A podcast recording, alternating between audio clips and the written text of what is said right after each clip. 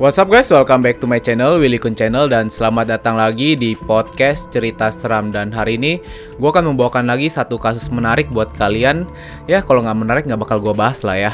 Nah kasus ini bakal gue bahas kayak kasus yang cukup simple kali ini Karena beberapa hari belakangan kan gue lagi bahas kasus tentang Ketiap Dan di situ tuh kayak Kasusnya cukup rumit karena banyak banget teori konspirasi. Kalau ngomongin tentang teori konspirasi pasti kebanyakan orang tuh nggak percaya.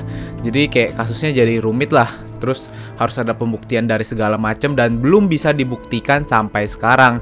Nah hari ini gue bakal bawain satu kasus yang nggak serumit itu, kasus yang sebenarnya udah selesai tapi menurut gue pribadi ini sangat menarik banget. Nah kasus hari ini sempet heboh di negara tetangga kita yaitu Malaysia tentang terbunuhnya seorang vokalis band yaitu Along Spoon. Jadi kalau kalian yang nggak tahu Along Spoon itu siapa, dia adalah vokalis di band Spoon yang sebenarnya sekitar tahun 90-an gitu band ini boom booming banget. Mungkin kalau sebagian dari sekarang kita masih ada yang kenal, tapi ada juga yang udah nggak tahu. Nah, band Spoon ini sempat booming dengan satu lagunya yang berjudul Rindu Serindu Rindunya. Kalau pribadi gue sendiri sih nggak pernah denger lagu ini, tapi menurut beberapa orang, bukan beberapa orang sih banyak orang, menurut beberapa orang lagu ini tuh booming banget karena bagus gitu lagunya.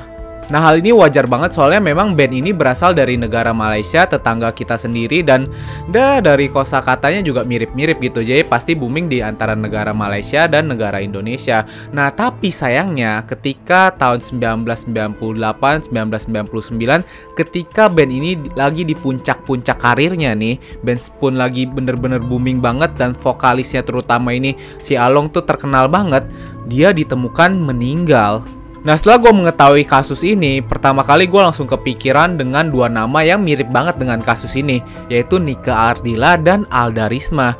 Jadi kayak bener-bener kasusnya itu di mana vokalisnya ini atau penyanyinya ini lagi naik daun banget. Di usia, di usia yang sangat muda mereka lagi naik-naik daunnya, tapi sayangnya mereka ini meninggal.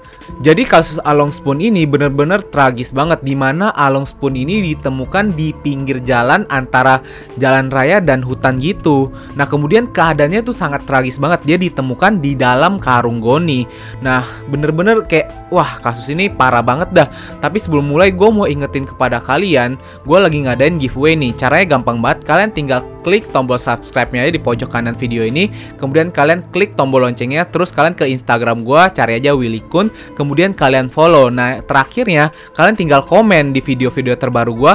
Komen yang terbaik akan gue pilih nih jadi pemenangnya. Dan hadiahnya tuh banyak banget. Gue bakal kasih kalian kaos, gue kasih gantungan kunci, terus ada juga AirPod, ada pomade, dan ada juga masker. Jadi hadiahnya tuh banyak banget. Ikutin bakal gue undi setiap hari Jumat ya. Jadi tunggu apa lagi? Semua orang boleh ikut loh. Nah tanpa basa-basi lagi gue akan membahas kasus mengenai Along Spoon ini. Along Spoon yang terlahir dengan nama asli Sabiul Malik Safi'i Dia adalah seorang vokalis dari band Spoon. Dia lahir di Malaysia pada tanggal 22 April 1980 Along mulai aktif berkarya dengan band Spoonnya ini pada tahun 1994 di mana mereka mulai merilis album pertamanya yang berjudul Spoon itu pada tahun 1998 dan lagu Rindu Serindu-Rindunya adalah lagu yang bisa dibilang ini lagu yang paling top lah dari album ini dan dari band ini. Dan akhirnya setelah mereka meliris album pertama yang bisa diterima sangat baik itu gak butuh waktu lama karena waktu itu juga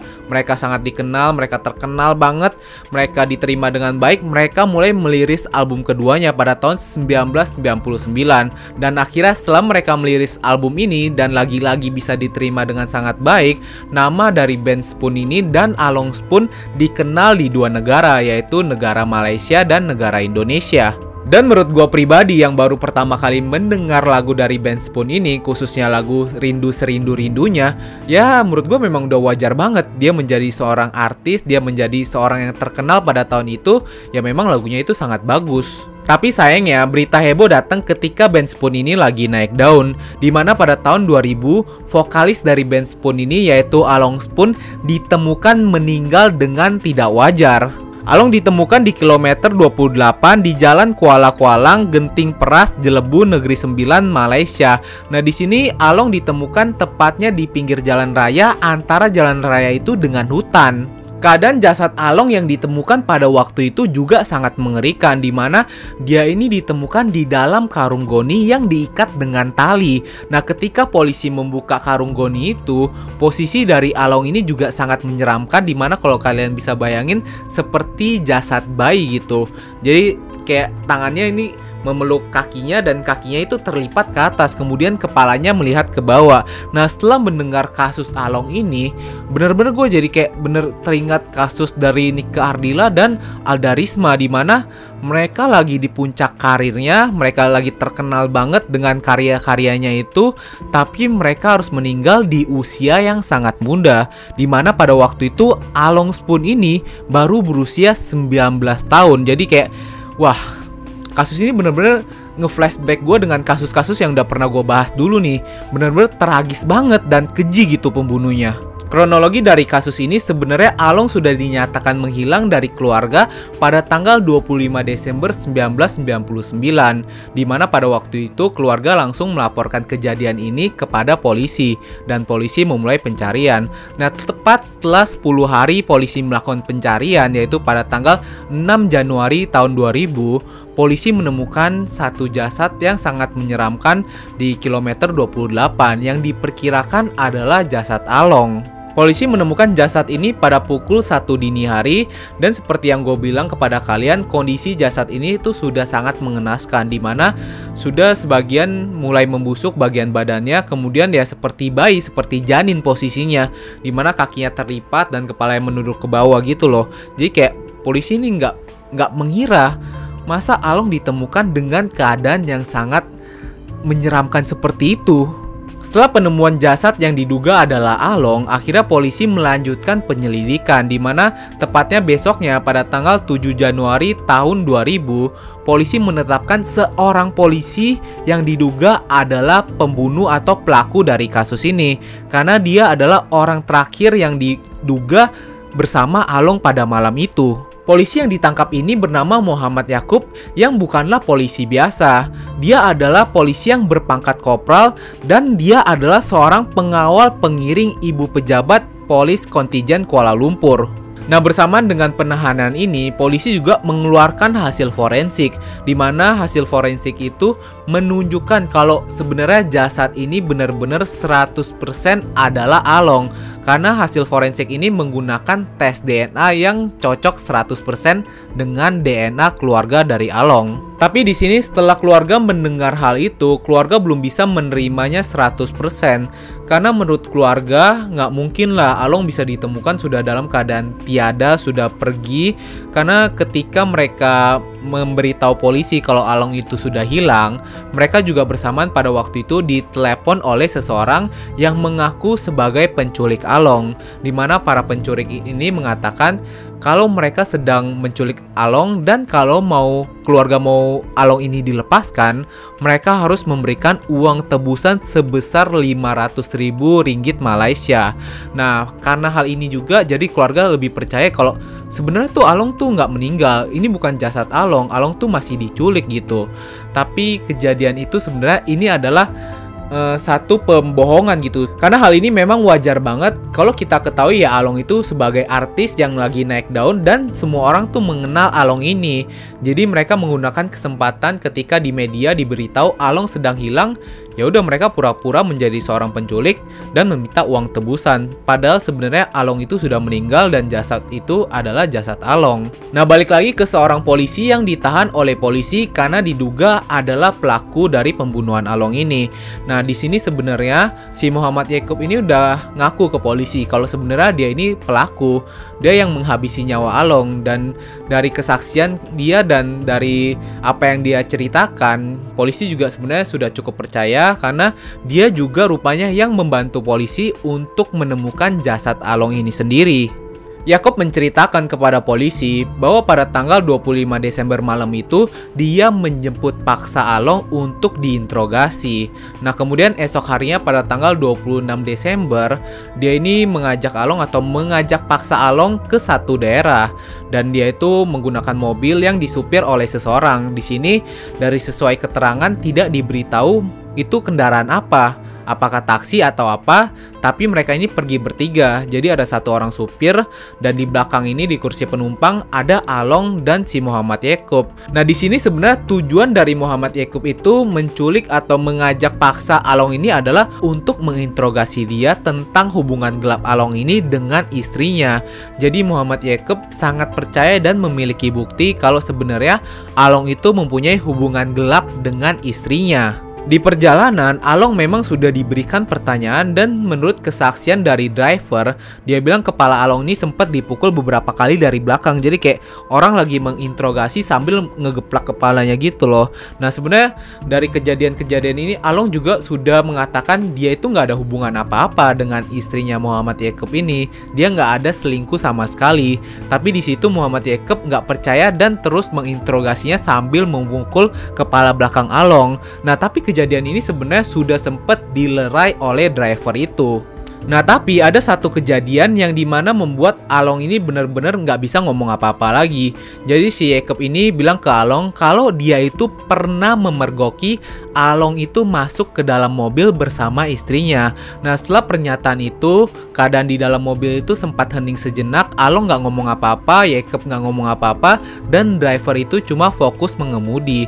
Dan akhirnya sampailah di kilometer ke-28 di mana tiba-tiba Yakub itu bilang bilang ke driver dia bilang e, Pak coba minggir sebentar saya mau kencing jadi setelah ngomong kayak gitu, setelah si driver ini minggir ke samping, tiba-tiba Jacob ini langsung menarik Along keluar. Dia menarik paksa Along untuk ikut dia ke dalam hutan.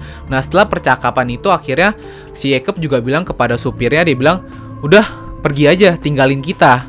Nah setelah menerima perintah itu akhirnya sang supir pergilah dia nggak tahu apa yang terjadi setelah itu. Nah tapi namanya orang ninggalin dua penumpangnya ini di pinggir jalan, tepatnya yang jalan gak ada apa-apa dan pinggirannya itu cuma hutan, mungkin driver ini merasa gak enak lah.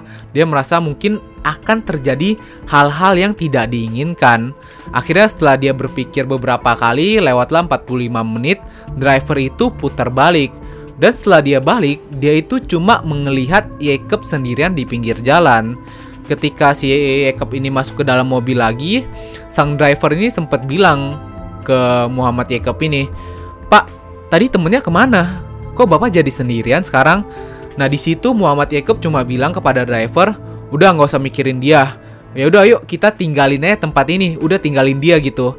Jadi karena menerima perintah itu, akhirnya sang supir ya udah jalan begitu aja meninggalkan Along yang nggak pernah masuk kembali lagi ke dalam mobil itu. Di dalam perjalanan ini sesuai dengan kesaksian dari driver, dia bilang si Jacob ini di perjalanan nggak ngomong apa-apa, bahkan dia seperti orang yang merenung sedang terjadi sesuatu gitu. Jadi merenungkan satu hal yang nggak tahu apa. Tapi di sini ya udah si driver nggak berpikir terlalu panjang, dia mengantarkan Jacob ke tujuannya. Nah setelah beberapa hari setelah kejadian itu, akhirnya sang driver menerima kabar dari media kalau si Along ini sudah menghilang. Jadi sosok Along ini sudah menghilang dari muka bumi lah. Jadi polisi juga mencari sosok Along ini di mana. Nah setelah mengetahui hal itu, akhirnya sang driver e, memberikan laporan kepada polisi kalau dia melihat Along ini bersama seseorang, yaitu tepatnya si Jacob pada malam itu. Nah setelah kesaksian ini, polisi langsung menahan Jacob. Kemudian setelah Jacob ditahan, mungkin dia merasa bersalah dan akhirnya dia mengaku dan memberikan kesaksian dan memberikan informasi kepada polisi kalau sebenarnya dialah pelaku yang menghabisi nyawa Along. Nah setelah itu juga Jacob menceritakan kepada polisi apa yang terjadi ketika driver itu pergi. Jadi setelah driver itu pergi, Jacob menarik paksa Along ke dalam hutan dan setelah dia merasa cukup aman di situ, dia langsung mencekik leher Along. Nah setelah dia mencekik Along dan merasakan kalau memastikan Along ini sudah tiada, Along ini sudah meninggal, dia langsung membawa Along menyeret mayatnya ini ke pinggir jalan raya. Kemudian setelah dia menyeretnya, dia memasukkan mayatnya ini ke dalam karung goni dan mengikatnya. Nah, jadi posisinya itu memang terikat seperti posisi janin, jadi sangat mengerikan sekali. Kepalanya nunduk ke bawah, kemudian kakinya ini terlipat sambil dia memeluknya ini. Jadi pokoknya posisinya posisi Along ini sangat mengerikan lah saat ditemukan. Nah setelah dia selesai membuang mayat Along ini, dia langsung bertemu dengan driver itu lagi. Setelah polisi melakukan pemeriksaan dari barang bukti, kemudian dari saksi dan keterangan dari terduga pelaku itu sendiri yaitu Muhammad Yakub, memang semua yang mereka katakan dan semua yang ditemukan itu cocok dengan kejadian apa yang diceritakan. Dan akhirnya tepat pada tanggal 19 Januari tahun 2000, Muhammad Yakub ini dinyatakan sebagai tersangka. Dan baru pada tanggal 10 April 2002, Muhammad Yakub ini dinyatakan bersalah dari kasus ini dan akhirnya dia dijatuhi hukuman gantung sampai mati. Dan sebenarnya Muhammad Yakub ini sempat mengajukan banding pada tahun 2008, tapi sayangnya bandingnya ini ditolak dan akhirnya Muhammad Yakub ini menjalankan eksekusinya pada tahun 2010. Nah sebenarnya setelah kepergian dari Along ini sendiri, posisi Along ini di Benz pun pernah diganti oleh adik kandungnya yaitu Aslong. Tapi sayangnya sepertinya e, masyarakat itu tidak bisa menerima walaupun suaranya juga bagus. Masyarakat tuh nggak merasa suara Along ini tidak bisa digantikan oleh siapa pun lah, termasuk adik kandungnya sendiri. Dan setelah lima tahun kasus ini berlalu, keluarga juga baru bisa menerima dan merelakan kalau sebenarnya Along itu sudah tiada. Oh ya, pada tahun 2014 lagu Rindu Serindunya dari band Spoon ini juga sebenarnya pernah dibawakan oleh seorang penyanyi Indonesia yaitu Firman Siagian, tapi sepertinya orang-orang juga lebih suka lah dengan versi aslinya yaitu versi Along ini sendiri. Nah dari kasus-kasus seperti ini, kasusnya Along Spoon, kemudian Nikardila, Alda Risma, menurut gue pribadi ini adalah hal yang sangat disayangkan sekali karena mereka itu punya bakat yang pasti sangat luar biasa besar sekali lah tapi mereka harus meninggal di usia yang sangat muda. Mau disengaja atau nggak disengaja ya menurut gue memang bakat mereka ini atau karya mereka akan terus dikenang di hati kita kan. So untuk kita ya gue minta juga doakanlah kepada mereka. Semoga amal ibadah mereka bisa diterima. Nah, menurut kalian gimana dari kasus ini? Coba tinggalin komentar kalian dan pemikiran kalian di kolom komentar ya. So, jangan lupa juga untuk selalu support channel gue dengan cara klik tombol subscribe-nya aja di pojok kanan video kalian nih. Kemudian klik tombol loncengnya agar mendapatkan notifikasi terbaru dari channel gue. Jangan lupa juga untuk like dan share video ini supaya semua orang mendapatkan informasi yang unik ini ya. So, thank you guys for watching this video dan yang udah selalu support gue, gue mau ngucapin makasih banget. Kita udah mau 100 ribu subscriber nih. So, see you guys in the next video. Jangan lupa selalu tonton videonya ya guys. See you!